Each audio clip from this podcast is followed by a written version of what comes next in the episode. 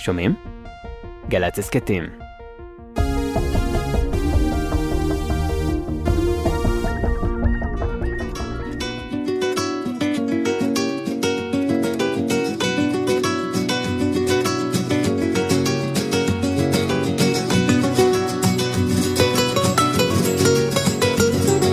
שלום, אני דקלה קידר, אני סופרת ותסריטאית.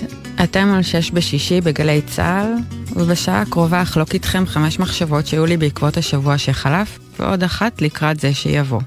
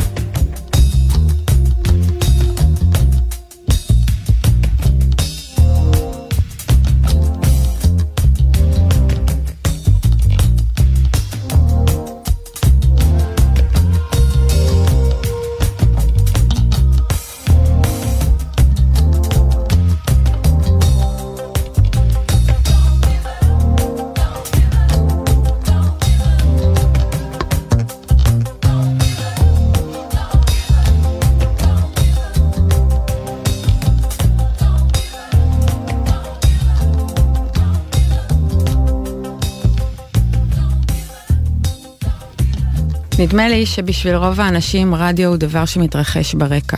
בנסיעה, ברחיצת כלים, דרך להתעדכן, להתעצבן, להירגע. אני זוכרת שסבא וסבתא שלי השאירו רדיו דולק בפול ווליום כשיצאו מהבית, שהגנבים ייזהרו להם. אבל בשבילי, רדיו הוא לא פחות ממציל חיים.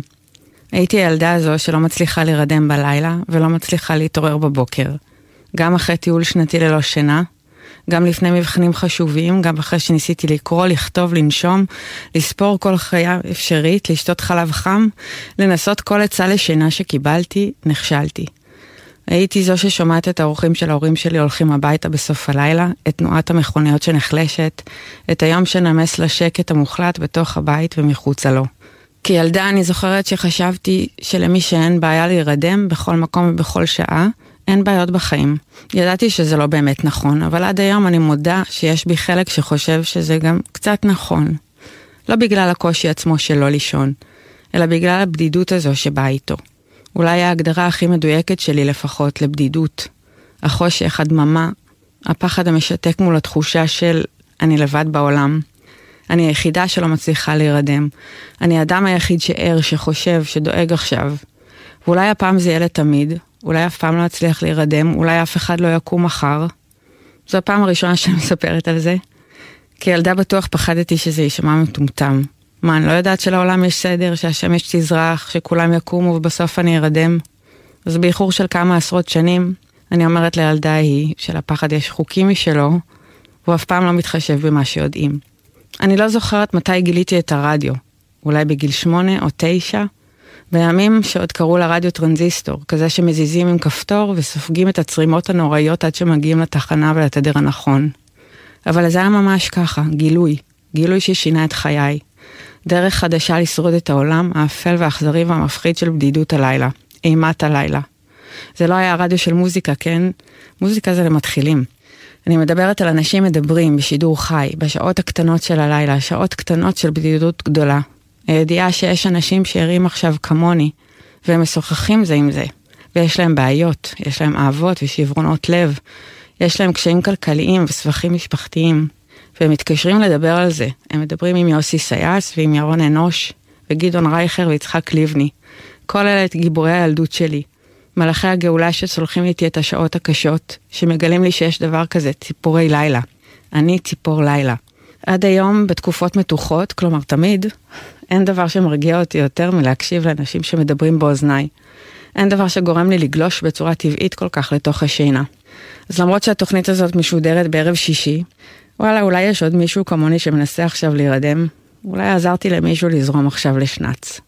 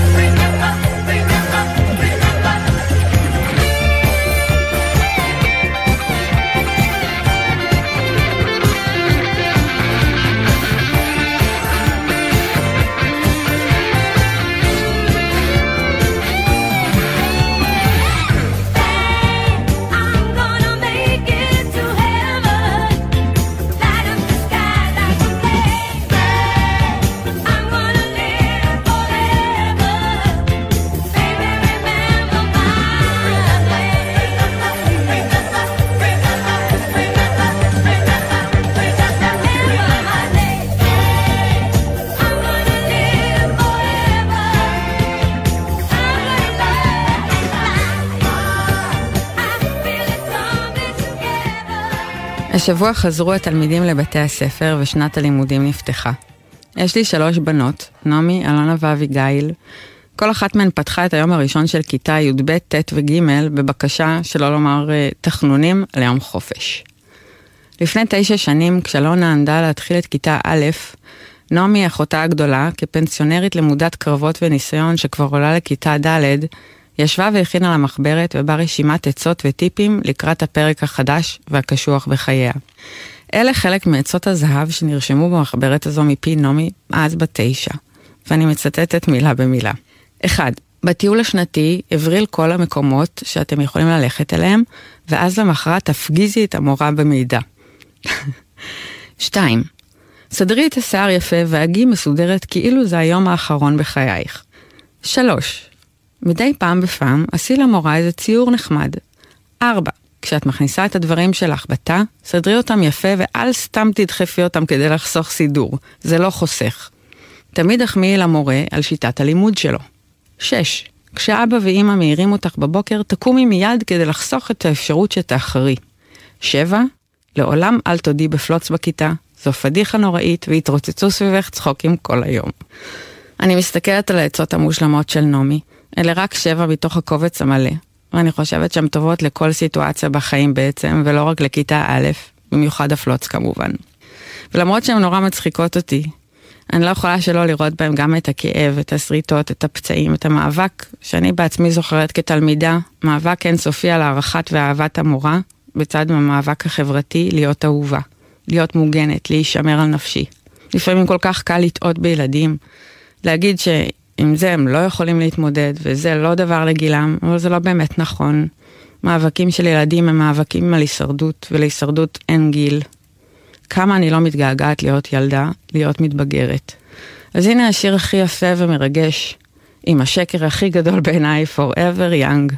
מי רוצה להיות צעיר לנצח? זה סיוט. אז אנחנו נשמע את הביצוע ל-Forever Young של Alphaville מפי אורן ברזילי, אה, שאיבד אה, את השיר הזה לכבוד המופע המשותף שלו עם יערה קידר, שהיא גם אחותי, ונקרא לא לפי הספר.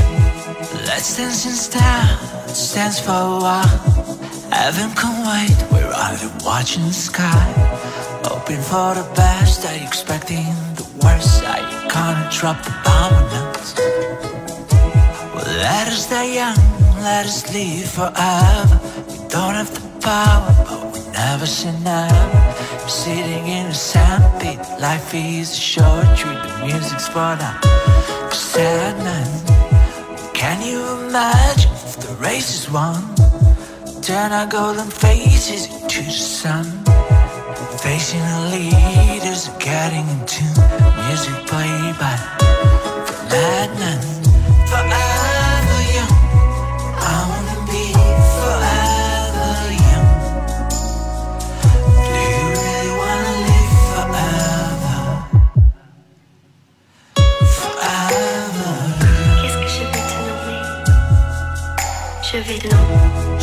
Like water, some like the heat.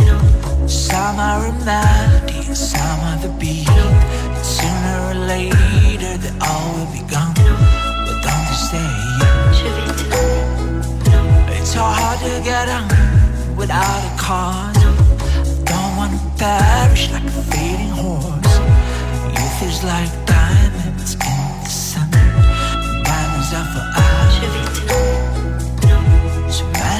many adventures could happen today. So many songs we forgot to play. So many dreams ringing out of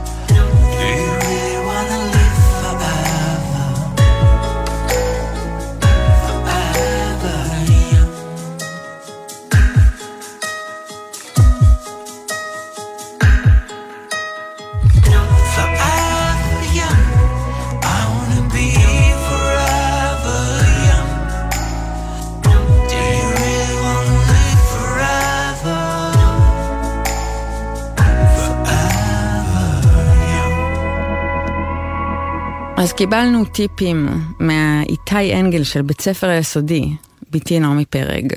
אבל הנה עוד כמה עצות מעולות שמצאתי, והפעם מנציגות גילאית אחרת, וזה בזכות נועה מנהיים, העורכת של הספרים והתסריטים שלי, שהעבירה לי את הטקסט הזה. הסופר האמריקאי קורט וונגוט היה בן 84 כשתלמידי בית הספר ביקשו לארח אותו בבית ספרם. זה המכתב שהוא כתב להם שנה לפני מותו ב-2006. אני מודה לכם על מכתביכם הידידותיים.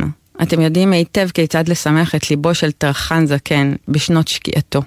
אני איני יוצא להופעות פומביות יותר, משום שבימים אלו איני מזכיר שום דבר מלבד איגואנה אולי. מה שיש לי לומר לכם עם זאת לא יארך זמן רב. בכדי להחכים, התעסקו בכל אמנות. מוסיקה, זמרה, מחול, משחק, רישום, ציור, פיסול, שירה, פרוזה, מסעות, כתיבת כתבות. לא משנה כמה טוב או רע, שלא על מנת להרוויח כסף ולזכות בתהילה, אלא על מנת לחוות את העשותכם קיימים, לחקור מה נמצא בפנימיותכם, לגרום לנשמותיכם לגדול.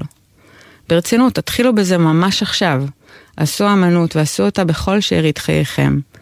רשמו איור מצחיק ונחמד של מיס לוקווד, בסוגריים המחנכת, זאת הערה של שוי רז המתרגם, ותנו לה אותה.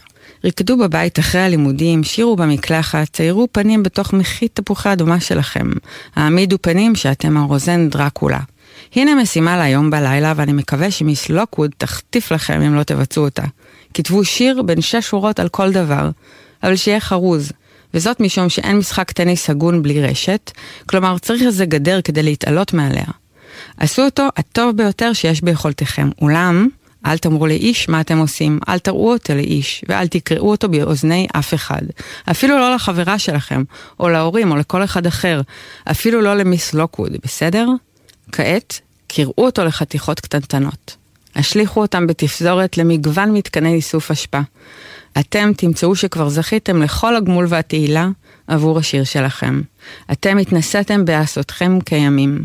למדתם הרבה יותר מהרגיל על מה שטמון בפנימיותכם וגרמתם לנשמותיכם לגדול. אלוהים יברך אתכם, קורט וונגוט. את המכתב הזה תרגם כל כך יפה שוי רז. זה אמנם מכתב שמיועד לתלמידים, לילדים, אבל נדמה לי שכמו כל סיפור או טקסט, מחול, משחק, רישום, ציור, פיסול, שירה, פרוזה, מסעות, כתיבת כתבות, כשמילים באות מתוך אמת ומתוך כנות, הן מגיעות ללב, וללב אין גיל.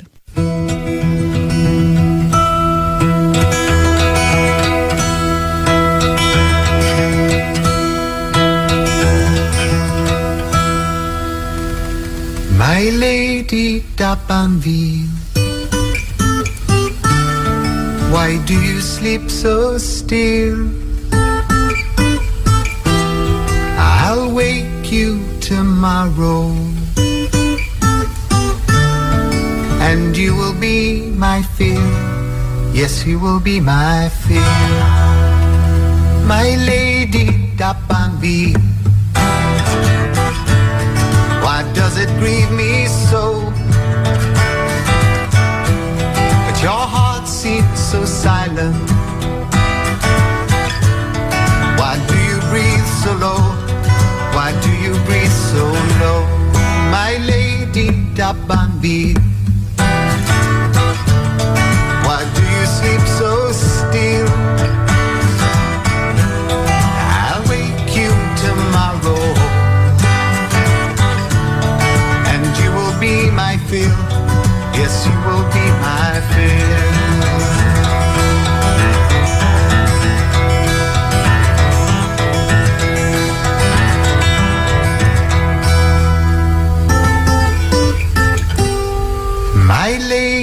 lady Dapanville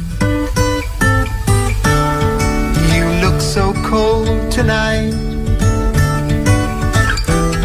Your legs feel like winter. Your skin has turned to white. Your skin has turned to white. My lady Dapanville why do you sleep so still?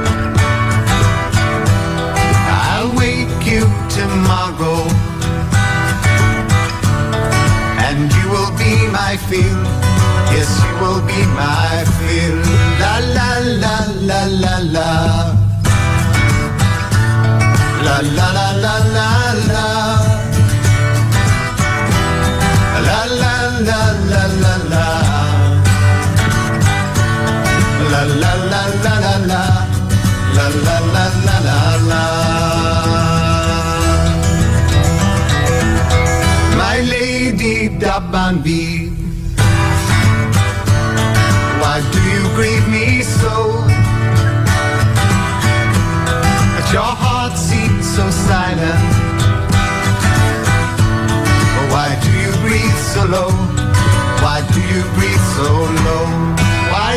You, my lady. Though in your grave you lie, I'll always be with you. This rose will never die. This rose will never die. I loved you, my lady. Though in your grave you lie,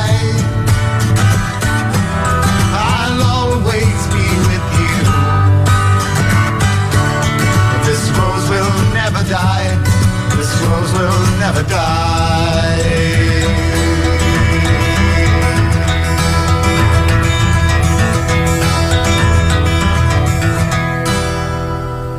טוב, אז יש לי הסתייגות לגבי משהו שאמרתי קודם, אה, בעניין ההתנגדות שלי לרצון אה, להיות אה, צעיר או צעירה. גם בעד שלום, אני לא חוזרת לילדות או לתקופת ההתבגרות המצלקת והנוראית הזאת. ומצד שני, מה לגבי להיראות צעירה? השבוע שני אנשים שונים אמרו לי, אה, הכי בטוב, כן? שאם אני אצבע את השיער האפור שלי, אראה צעירה בעשר שנים. וזה לא כולל את אימא שלי שכבר עומדת עם שפופרת צבע דמיונית מעל לראשי האפור בשנים האחרונות. אז אין לי התנגדות כמובן להיראות צעירה בעשור, אבל הנה משהו שכתבתי לעצמי לפני שש שנים. זו הייתה הפעם הראשונה והאחרונה שחשבתי לעצמי, hmm, למה לא להיראות צעירה יותר בעצם? וככה זה הולך. מזל טוב קידר דקלה, זה חודש יום ההולדת שלך, זכית בייעוץ אישי חינם. מה מעניין אותך? איפה הפגם? אור, פלסטיקה, שיפוץ? איפה תרצי לשפר? איזה תיקון החוץ? מה למתוח, לקדוח, להחליק? מה לא מחזיק? מזל טוב לך קידר דקלה, הייעוץ מטעם דוקטור שקדי המומחית הדגולה. שלך מהלב, בברכה והנאה מצוות הקליניקה והרופאים, מזל טוב גדול עד 100 כמו 20. אז בואי נקבע, מגיע לך זמן, מגיע לך יותר, זו מתנה. פני את הזמן, חלקה קטנטנה, זמן לעצמך, זמן לרכך, לרחכך, לזכך, רגע של שקט לגמרי ממך. אל תחשבי, אל תתקבעי, פתחי יומן ופשוט תקבעי. וזה סימן משמיים, כי דוקטור שקדי, מתברר, מקבלת אנשים בדיוק בבניין של רופא הנשים.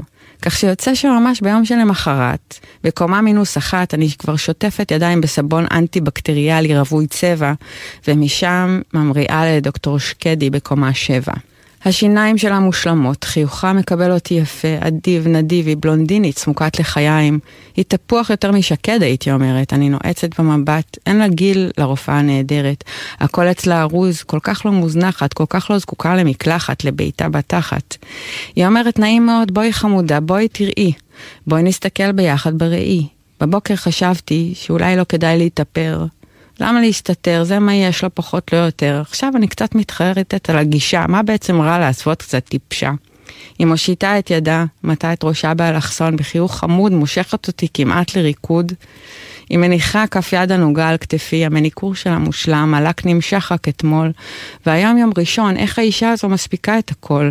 היא משמעותית, לצידה אני כל כך אגבית, אני כל כך מינוס אחד, ודוקטור שקדי, את כל כך קומה שביעית. אל תתביישי, מחילה, אמהית. המצב הוא לא כל כך נורא אולי, הבלאי, אמן שתגיד לי, מספיק חמודה, תתרכזי בדברים, תכתבי סיפורים, אותיות, משפטים, אל תנסי להיות אחרת, את לא באמת גברת. זה לא כוחות, את תנצחי מוחות, אין מה למחות. אולי בעצם זה לא כזה רע להיות אני, אני מישירה מבט בבת אחת, אוריו מבחוץ, פלורסנט מבפנים, אז אני במצב טוב יחסית ל-40? 42 אני נזכרת, ואז שואלת, אני יודעת על מה את מסתכלת, זה השקעים מתחת לעיניים, כולם אומרים שאני לא לא יפה, אבל נראית נורא יפה. שמעתי שמזריקים חומצה אם אהיה אמיצה. עיקר הבעיה, אם משתהה, זה לא העיניים. אני שואלת, אז מה, איפה, ביריחיים? היא נושאת אליי מבט, אלה הלחיים. הלחיים? שימי לב לנפילה.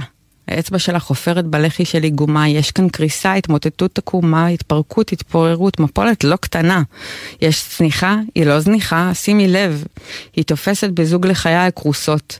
לדעתך זה כך אמור להיראות? אני אומרת לא, היא אומרת לא ולא, בואי נסכים, יש בך עבודה לשלושה מזריקים. אל תיפגעי, אבל בלי להסס, חמודה, תסתכלי, יש לך לחיים של כלב כועס. כלב כועס? אני זוקפת זנב. תסתכלי בעצמך, היא מושכת באגודלי עד בשרי הרך. זה לא צריך להיות כך. לא כאן אלא שם, לא שם אלא פה, זה למעלה, את זה למטה. עיניים מתלחסנות, נמתחות תחת אצבעותיה, גבותיי נעלמות. כלב כועס, את רואה בעצמך. אבל זה פתיר, זה מהיר. אבל מה הכי דחוף? אני שואלת, כלומר, לא בחיים, בפרצוף, זה לא העיניים? קודם כל הלחיים. היא אומרת כאילו לא הבנתי כלום. כי כלב כועס, אני נוהמת בשאלה. זו שפה מקצועית, היא אומרת, angry dog, אל תעלבי. אני מזהה בבבואתי מבק לבלבי. היא מציינת שהיא משתמשת בחומרים הכי טובים, ניתן לתפוס להרבה תשלומים שווים. לכל הטיפולים סך הכל 9,000 שקלים. אני פוערת לו הענק, חושפת שיניים וווף, נושכת אותה חזק בלחיים.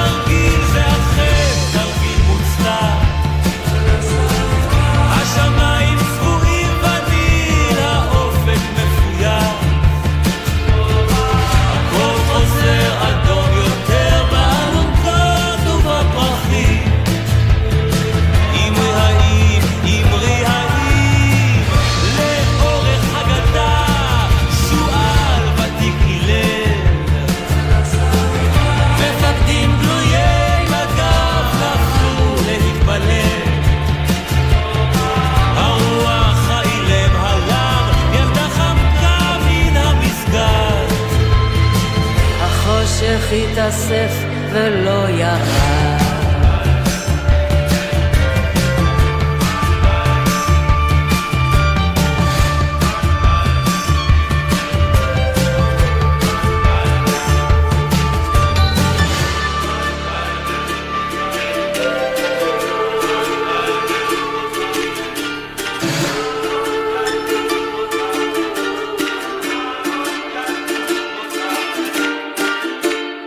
בשבת האחרונה צפיתי בפרק השלישי והאחרון מתוך סדרת הדוקו של כאן 11 הדיפלומטים שיצרו משה רביב והבמאי והתסריטאי שחר צפניה. הפרק מתחיל במלחמת לבנון הראשונה, ומלווה משם את המאמצים הבלתי פוסקים מצד כל הצדדים של המפה הפוליטית להגיע להסכם שיפתור את הבעיה הפלסטינית. הוא מלווה את כישלון הסכם השלום עם לבנון אחרי המלחמה, את כישלון הסכם לונדון שיזם פרס עם המלך חוסיין תחת כהונת שמיר, ועד לחתימת הסכמי אוסלו בתקופת רבין והסכם השלום עם ירדן. כל זה בצד מחאה חריפה של הימין, גל פיגועים נוראי, הפרק מסתיים ברצח רבין. התגובה המיידית שלי אחרי צפיית הפרק הייתה אולי קצת תמימה, כי היא נוגעת במילים. חשבתי לעצמי רק כמה זמן לא שמעתי את המילים הבעיה הפלסטינית מצד המנהיגות ובתקשורת, ואת המילים מאמצים להגיע להסכם שלום או פתרון לסכסוך. לא במובן הספציפי של התחממות גזרה זו או אחרת או מתיחות ביטחונית מקומית, לא במובן של כיבוי שרפות, אלא במובן המהותי של שני עמים הנאבקים עשרות שנים זה בזה על קיומם, על זהותם, כבעיה הכי חשובה, הכי בוערת, שדורשת פתרון בכל דרך אפשרי. התחושה הזאת שזאת המשימה הקיומית, משימת החיים של המנהיגות מכל הצדדים. אבל אלה לא רק מילים שנעלמו. כי זה שלא מדברים יותר על הבעיה הפלסטינית, כמו שהיא מכונה בסדרה, זה כמובן לא בגלל שהיא נפטרה או נעלמה. מה לעשות, בחיים בעיות שלא מדוברות או מטופלות, רק הולכות ומחריפות ומידרדרות. זו לבה שכבר מזמן לא רק מבעבעת, אלא גולשת ושורפת כל חלקה טובה. ומה שברור מהפרק הזה בדיפלומטים, הוא שהדבקות בהידברות והחתירה לשלום היא בכלל לא עניין של שמאל וימין. והמשמעות של להשאיר את הסוגיה הקשה והקיומית הזו מחוץ לשיח הציבורי, היא רק להשאיר אותה לילדים ולנכדים שלנו. אולי עוד משהו מצמרר על מילים, כי בהקשר ההיסטורי של הדיפלומטים, שתי מדינות לשני עמים, הרי ברור על איזה עם מדובר. ואני כל השבוע חשבתי איך בשנה האחרונה הביטוי שני עמים הפך למשהו שמבטא את הפיצול, את המלחמה הפנימית בין שני המלחנות בינינו ובין עצמנו.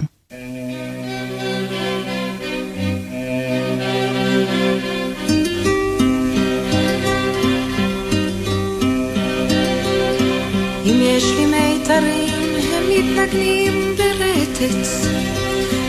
אם יש בי דאגה, היא חשופה כמעט.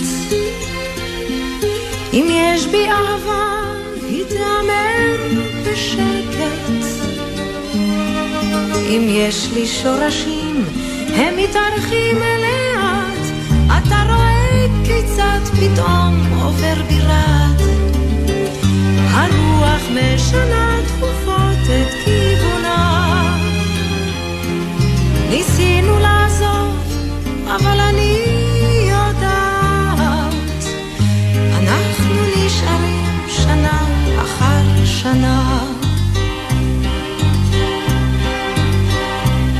בחדרים שלך השמש מסרטטת קווים ורצועות של אור על הכתלים.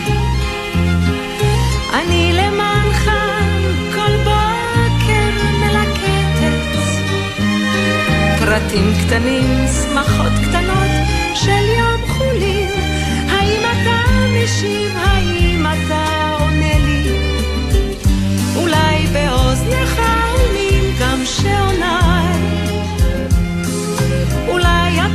מקשיב, אולי אתה דומה לי. הם בפניך משתקפים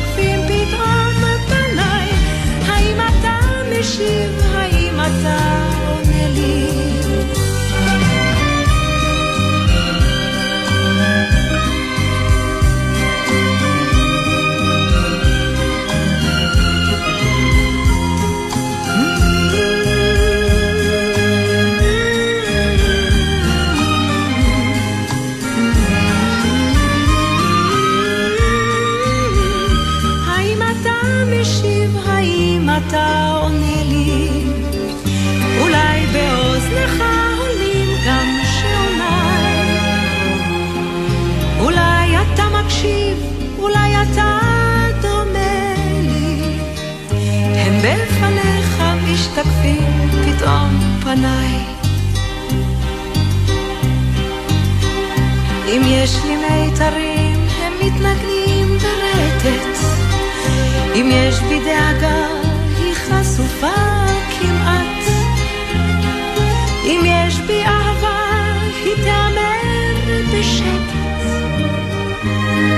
אם יש לי שורשים, הם מתארחים לאט. יום החולין הזה הוא יום שיש בו חסד, ובחסדו שורות אליך נכתבות.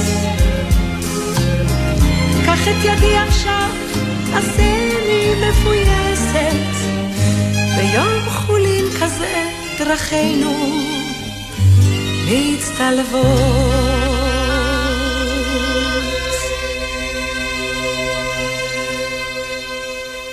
אז משהו נוסף לקראת השבוע הבא, בואו נחגוג את ראש השנה. ראש השנה, חג סך הכל אהוב, אין בו אוכל משונה, ימי החופש מדויקים. הוא גם מביא בדרך כלל איזה טמפרטורה יותר סבירה, והי, יש בונוס, זה חג שבא בילט אין עם איזה מוד אופטימי של מסוגלות וכוח להושיב אותך מול הדף, ואותך, ולכתוב רשימת החלטות לשנה החדשה. תוכניות שתרצה להגשים, איזה יופי של חג, איזה רוחות של שינוי, של עשייה ותקווה, מה רע? אז זה בדיוק מה שרע, ואני כאן כדי לחשוף את אופייה האמיתי של הרשימה הנכלולית הזו, המכונה רשימת ההחלטות לשנה החדשה. כי מה זה בעצם להתחיל לעשות כושר, ללכת בזמן לרופא שיניים, להפסיק לאכול סוכר, לעשות כל יום מדיטציה, לסיים לכתוב את הסיפור הזה, להתחיל כבר לכתוב את הסיפור ההוא, למצוא זמן לבלות עם כל ילדה בנפרד, ולהיות כבר מבוגר אחראי, לטפל בביטוחים. זו אינה אלא רשימה של כל הפגמים, החסרונות, ההזנחה והחורים שיש בחיים שלנו, שלא לומר בנו עצמנו. מה היה לי רע לחיות את חיי בבורותי, בבינוניות שישבתי לי על הספה, לפני הרגע הנורא ששלפתי את העט מול הדף. אז אני מנצלת את הבמה הזו, ונתנו לי את החופש לקרוא לכם אזרחים בזאת, להחרים את רשימות השנה החדשה. אבל בחיים כבר למדתי, אל תפסלי בלי פלן בי. ובכן, לפני שנתיים או שלוש, באחת ההקראות של בואו לאכול איתי, תוכנית שבה אני כותבת את הקריינות לשי אביבי, ישבנו שי, אני והלית לוי, העורכת של התוכנית. תוך כדי הפגישה האינטנסיבית, עלית uh, עצרה פתאום ואמרה, uh, רגע, שנייה, תנו לי דקה. והיא עצמה עיניים, ובמשך דקה שלמה אנחנו חיכינו במתח להבין uh, מה קורה. ואז היא שאלה מה? לא ראית שהשעה 11 ו-11 דקות? זה שעת ה master numbers.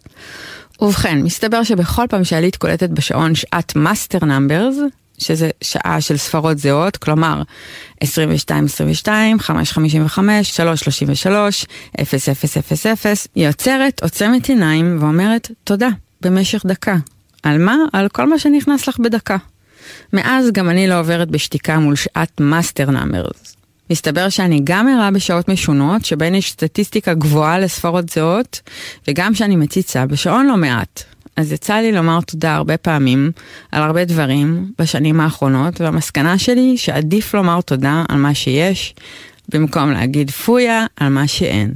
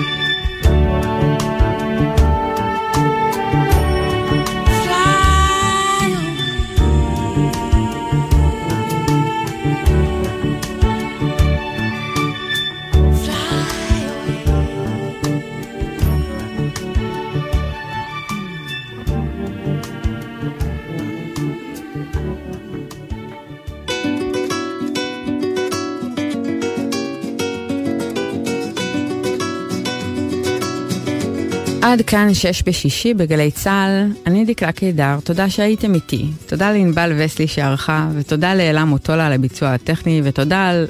טוב, זה לא שעה של master numbers. אז שבת שלום ושנה טובה.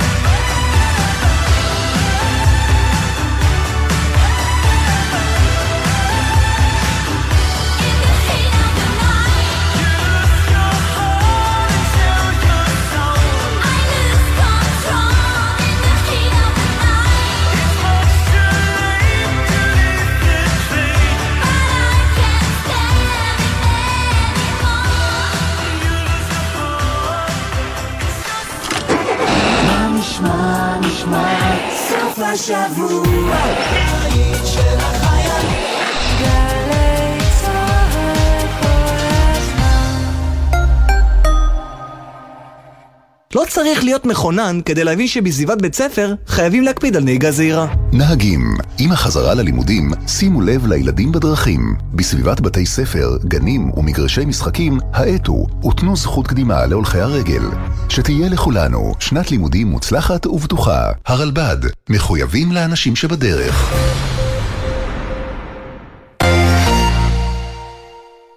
לציון יובל למלחמת יום הכיפורים. גלי צה"ל חוזרת אל הסדרה הארכיונית המרתקת "אני נשבע לך". תת-אלוף בדימוס אביגדור קהלני, גיבור ישראל, יושב לשיחה פתוחה מלב אל לב עם לוחמים, נכי צה"ל ומשפחות הנופלים. מלחמה שהשאירה אלפי לוחמים פצועים בגופם וחלק גדול פצועים בנפשם.